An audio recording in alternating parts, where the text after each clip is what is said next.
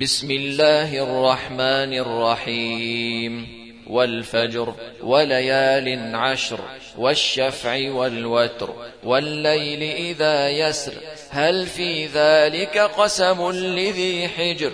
ألم تر كيف فعل ربك بعاد؟ إرم ذات العماد التي لم يخلق مثلها في البلاد وثمود الذين جابوا الصخر بالواد وفرعون ذي الأوتاد الذين طغوا في البلاد فأكثروا فيها الفساد فصب عليهم ربك سوط عذاب.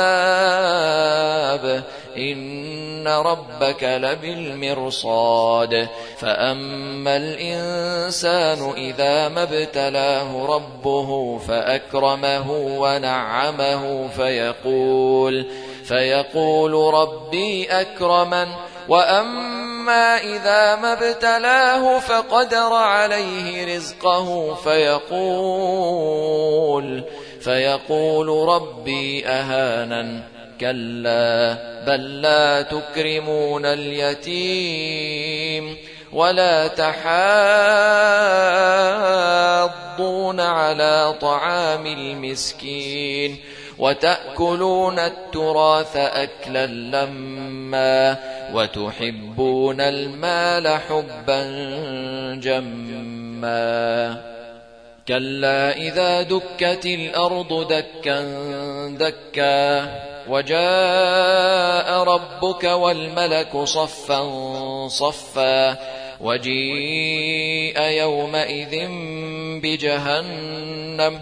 يومئذ يتذكر الإنسان وأنى له الذكرى. يقول يا ليتني قدمت لحياتي فيومئذ لا يعذب عذابه أحد ولا يوثق وثاقه أحد. يا أيتها النفس المطمئنة ارجعي إلى ربك راضية مرضية فادخلي في عبادي وادخلي جنتي.